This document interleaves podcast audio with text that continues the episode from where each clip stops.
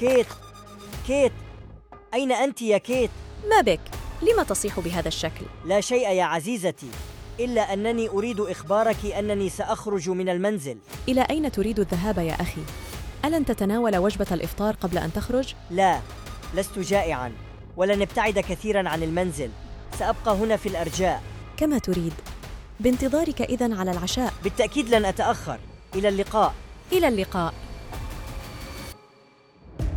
شاب عرف بوسامته ولباقته. اختفى دون أن يتمكن أي أحد من إيجاده. سنوات وسنوات. وجميع أفراد العائلة يتمنون له حياة سعيدة. فالجميع يعلم أن جوش عازف جيتار ماهر. وبالتأكيد سبب اختفائه بحثه في ولاية أخرى عن حياة كريمة.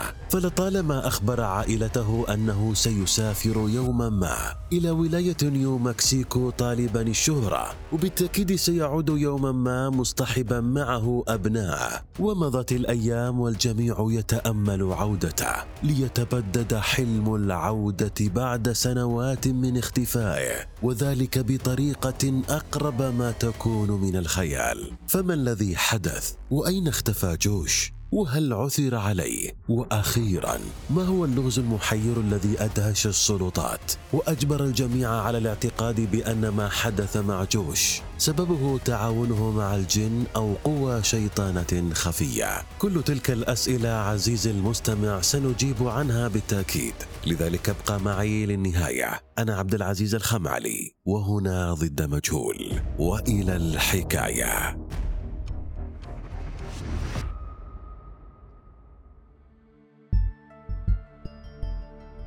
في التاسعة من آذار عام 1990 ولد جوش مادوكس في مدينة وودلاند بارك. التي تقع بالقرب من مقاطعة تيلر التابعة لولاية كولورادو الأمريكية قرية صغيرة وحياة بسيطة وعائلة اتخذت من السلام والأمن منهجا ودستورا تلك هي حياة عائلة مادوكس العائلة التي عاش وتربى معها ذلك الشاب الحالم. وعندما بلغ جوش الخامسة من عمره انفصل والداه عن بعضهما وانتقل جوش مع أخته كيت وأخيه زاكاري ليعيشوا مع والدهم في منزل جدهم. مرت السنوات وعاش الأطفال حياة سعيدة مع والدهم وجدهم وجدتهم التي كانت أما لهم وعوضتهم عن الفقد الذي شعروا به وذلك بعد أن تركتهم أمهم ليتميز أبناء عائلة مادوكس في دراستهم ويلمع نجم الطفل الصغير الذي أصبح وبالرغم من صغر سنه عازف جيتار محترف. فمنذ أن كان طفلا والموسيقى تشغل فكر جوش فطلب من والده أن يشتري له جيتارا ليتعلم العزف عليه. والتحق بدروس العزف وأصبح العازف الأمهر بين زملائه ولم يكتفي بذلك. بل أصبح يؤلف المقطوعات الموسيقية ويشاركها مع رفاقه ليخبر عائلته وهو في الخامسة عشر من عمره أنه وما إن يبلغ الثامنة عشر من العمر سيسافر إلى نيو مكسيكو ليشق طريقه الفني هناك. فطموحه أكبر من هذه المدينة الصغيرة ليتغير كل شيء بعد عام واحد فقط. وحدثت الكارثة التي أدخلت العائلة بحالة صدمة بددت البسمة والضحكة من وجوههم. ففي الأول من حزيران عام 2006 استيقظت العائلة على مشهد يصعب تصديقه ونسيانه. فمع الصباح الباكر توجهت كيت لغرفة أخيها الكبير زكاري لإيقاظه لتناول وجبة الإفطار. فقرعت الباب عدة مرات إلا أن أحدا لم يجيب. فاضطرت لأن تفتح الباب وتدخل لغرفته وما إن دلفت نحو الداخل حتى صرخت بملء فيها. بعد أن رأت أخيها معلقا في السقف وعيناه شاخصتان تدلان على أنه قد فارق الحياة منذ عدة ساعات. بعد أن رأت كيت هذا المشهد صرخت بأعلى صوتها. فتوجه الجميع باتجاه مصدر الصوت ليروا زكاري الذي انتحر شنقا بعد أن أصابته موجة اكتئاب حاده الأخ الكبير والذي يبلغ من العمر ثمانية عشر عاما قد انتحر بعد معاناة شديدة وضغوطات كثيرة أودت بحياته. لتدخل العائلة بفترة صدمة أشبه ما تكون بكابوس. ليستمر الحزن في ذلك المنزل لمدة عام كامل. وبعد مضي عامين على وفاة زاكاري وبالتحديد في الثامنة من آيار عام 2008 بلغ جوش حينها الثامنة عشر من عمره وأصبح بنفس العمر الذي توفي أخاه عنده وفي عيد ميلاده الثامنة عشر. أخبره والداه أنه أصبح بطل العائلة والحلم الذي يسعى الجميع لتحقيقه فالكل يتمنى رؤيته وهو يعزف في أفخر الفنادق وأضخم الحفلات إلا أن هذه الأحلام قد تبددت للأسف. stuff. وذلك في اليوم ذاته. ففي ذلك اليوم خرج جوش من المنزل بعد أن ودع أخته وأخبرها أن غيابه لن يطول وأنه سيعود لتناول العشاء معهم إلا أن الليل قد حل ولم يعد جوش بعد. وفي ذلك الوقت شعرت كيت بضيق شديد في صدرها وشعرت بأن جوش لن يعود ابدا. وعندما عاد والدهم من العمل رأى الارتباك والقلق واضحا على وجه كيت فسألها عن السبب لتخبره بأن جوش لم يعد. إلا أن الأمر لم يقلقه ولكن وبعد خمسة أيام فقط. تأكد الجميع بأن جوش قد اختفى وليس الأمر مجرد غياب عادي. اتصل والد جوش بالشرطة وأبلغ عن اختفاء ابنه منذ خمسة أيام. لتبدأ عمليات البحث والتمشيط في الحال وفي المنطقة كاملة وعلى مدار عدة أشهر إلا أن السلطات لم تصل لشيء. وتم إقفال الملف بعد أن تأكد الجميع بأن جوش قد اختفى. إلا أنه بالتاكيد لم يمت فلم يتم العثور على أي شيء يدل على ذلك مما يؤكد بأن جوش قد انتقل لمكان آخر دون إخبار عائلته. تقول كيت. بعد أن اختفى أخي باتت الأفكار والاحتمالات تعصف في رأسي بشدة. كان غيابه مؤلما بالنسبة لي. رحل زكاري وتركنا أنا وجوش وحيدين. وها هو الآخر يرحل اليوم ويتركني وحيدة إلا أنني متأكدة أنه سيعود يوما ما. فبعد أن بلغ جوش الثامنة عشر من عمره بالتأكيد قد انتقل لمدينة أخرى حتى يكون نفسه. بالتأكيد سيتزوج وسينجب أطفالا يشبهونه سيعود يوما ما. وبرفقته زوجته وأبناؤه سيضحك أبي كثيرا عندما يرى حفيدة وعندما سألتقي بأخي سأعانقه بشدة وهو عازف بارع وبالتأكيد يعمل الآن مع أحد الفرق الموسيقية المغمورة. لن تبقى مغمورة. سيرفع جوش من شأنها وستصبح فرقة عالمية ولن يكتفي بهذا النجاح فقط بل سيكتب روايات مفعمة بالحب والعواطف إلا أنه سينشر روايته تحت اسم مستعار. هو الآن يجلس في مكان ما بهدوء وصمت. يتأمل الجمال في هذا الكون. أنا أنتظرك يا أخي وأعلم أنك ستعود يوما ما وستجدني بانتظارك.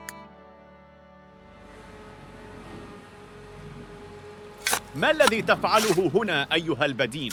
تعبت من الفوضى التي تعم المكان في الخارج وأريد الجلوس هنا حتى أتناول غدائي. قبل أن تتناول وجبتك دعنا ننتهي من هدم المدخنة وإزالتها. لا أريد. أريد أن آكل الآن. كما تريد سأبدأ بالحفر وعندما تنتهي تعال وساعدني. اتفقنا.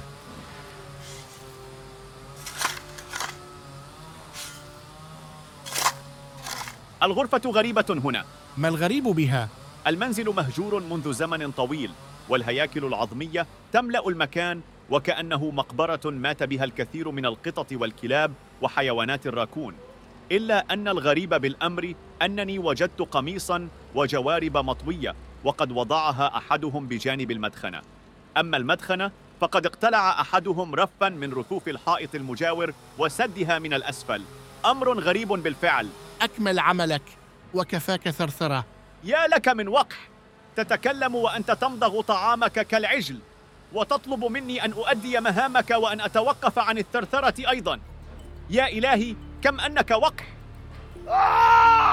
بعد أن صرخ العامل هرع جميع من في المكان ليعرفوا سبب صراخه. لتكون المفاجأة وجود رأس مقلوبة موجودة داخل المدخنة. وكان شكل ذلك الوجه أشبه ما يكون بالزومبي. لونه البني المزرق وعيناه الغائرتين وشفاهه المزرقة زادت من قباحة المنظر. فما كان من العمال إلا أن تواصلوا مع تشاك مورفي صاحب المنزل الذي بدوره اتصل بالشرطة في الحال. وما هي إلا ساعات قليلة حتى رأى الجميع مشهدا مرعبا. دو صداه في ولاية كولورادو بكاملها السيد تشاك الذي أراد هدم منزله المهجور والمغلق منذ عام 1998 ليبني مكانه بناء يتألف من عدة طوابق. فوجئ بوجود شاب في مقتبل العمر منكمش على نفسه كوضعية الجنين إلا أن ذلك الشاب لم يكن في رحم أمه بل كان عالقا في المدخنة رأسا على عقب وما هي إلا ساعات قليلة. حتى اتضح بأن ذلك الشاب هو جوش مادوكس الذي كان مختفيا منذ ما يقارب السبع سنوات. في منتصف شهر آب عام 2015 أصدرت السلطات المحلية في مقاطعة تيلر خبر العثور على جثة جوش مادوكس الذي كان عالقا في مدخنة منزل تشاك مورفي بطريقة فظيعة. وبعد إجراء فحص جنائي مكثف لم يعثر الأطباء على أي مواد مخدرة أو سامة في جسد جوش. إضافة لخلو الجثة من آثار طعنات أو كسور في العظم مما يثير الريبة. وقد رجح الأطباء بأن جوش بقي عالقا عدة أيام. ليموت من بعدها متأثرا بالبرد الشديد الذي ضرب المنطقة. فقد وصلت درجة الحرارة آنذاك إلى ثمانية درجات تحت الصفر. إلا أن السؤال الذي يطرح نفسه كيف علق جوش في المدخنة؟ ولما دخلها من الأساس؟ بل والأهم كيف تمكن من الولوج لداخل المدخنة؟ التي كانت مغلقة من الأعلى والأسفل. بعد عدة أيام ومع وصول المحققين لطريق مسدودة في قضية جوش بدأت الفرضيات الغير منطقية بالطفو على السطح. السؤال الأول ما الذي دفع جوش للدخول إلى تلك المدخنة الضيقة؟ فكان الجواب بأنه أراد الدخول للمنزل ولم يجد طريقا سوى بالولوج في المدخنة من الأعلى لتكون المفاجأة وجود قضبان حديدية تمنع أي أحد من الدخول ومن المستحيل أن يتمكن أي كائن أن يعبر من خلالها بل والأغرب من ذلك أن قميص جوش وجوربيه ومعطفه كانوا بجانب المدخنة مما يؤكد بأنه كان بداخل المنزل إذا فلما وجد ضمن المدخنة بهذه الوضعية الغريبة لم يتمكن المحققين من الوصول لأي حل. فحتى لو أن جوش قد دخل من تلقاء نفسه للمدخنة وعلق بداخلها فلما كان رأسه للأسفل وقدماه للأعلى. فمن المستحيل أن يدخل المدخنة بهذه الطريقة وما زاد الأمر تعقيدا. وجود رف معدني يسد المدخنة من الأسفل. فكيف وصل جوش إلى المدخنة إذا؟ بعد عدة أشهر تكهن البعض بأن أحدا ما أجبر جوش على الدخول للمدخنة بهذا الشكل إلا أن الأخير كان مسالما إلى أبعد درجة. ومن المستحيل أن يكون على خلاف مع أحد لم يجد حلا سوى أن يقتل جوش. بل والأهم من ذلك أن المدخنة كانت موصودة من الطرفين ومهما حاول جوش فلن يتمكن من دخولها حتى ولو أجبره أحدهم على ذلك. ومع الشهرة التي اكتسبتها تلك القضية إدعى شاب يدعى أندرو نيمان أنه من قتل جوش ولكن عند التحقيق معه تبين بأن أندرو يبحث عن الشهرة. وقد ادعى ذلك في سبيل اكتساب شهرة ضمن الولاية بأنه القاتل الذي تمكن من فعل المستحيل لتبقى قضية مقتل جوش عالقة ومبهمة. انتهت قصة جوش وتم إقفال المحضر بعد عدة أشهر ضد مجهول. واعتقدت الشرطة بأن أحدهم قد أغلق المدخن بعد وفاة جوش بفترة زمنية غير واضحة ولم يتمكن أحدا من التنبه لوجود جثة داخل المدخنة وذلك لاستحالة الأمر. وعلى فرض أن جوش قد أراد تجريب أمر جديد وخطير فهو من زج نفسه داخل المدخنة حيث خلع ملابس ودخل في المدخنة بتلك الوضعية العجيبة وعلق داخلها حتى توفي. وبما أن المنزل موجود في مكان مهجور فلم يتمكن أي أحد من سماع صراخه لتنتشر إشاعة حظيت بشعبية كبيرة في مدينة وودلاند بارك أن جوش كان يأوي لهذا المنزل لممارسة طقوس شيطانية أودت بحياته في النهاية وأن الأرواح الشريرة هي من أمرته بفعل ذلك حتى تتخلص منه. إلا أنه بالرغم من غرابة هذه الفكرة فقد لقيت رواجا كبيرا واستحسانا من الناس والسبب في ذلك عدم وجود تفسير منطقي وواضح يفسر الطريقة التي مات بها جوش مادوكس. عزيزي المستمع مهما كانت الطريقة التي مات بها جوش غامضة وغريبة يبقى الحزن والأسى هو العلامة الفارقة التي ميزت تلك العائلة. فقد تم دفن جثمانه في بلدته بجانب أخيه وقد نقش على قبره نوتة موسيقية من تأليفه سميت باللحن الأخير. حتى تبقى هذه النوتة الشاهدة الوحيدة والأخيرة على وفاته. وفي النهاية شاركوني رأيكم في التعليقات. فما سبب الوفاة من رأيكم؟ وكيف تمكن جوش من الدخول في تلك المدخنة الموصودة وهل بالفعل كان على علاقة بأرواح شريرة هي التي أدخلته في المدخنة؟ أم أن أحدا ما أجبره على الدخول فيها؟ أنتظر آراءكم وتعليقاتكم وحتى الحلقة القادمة. كونوا حذرين.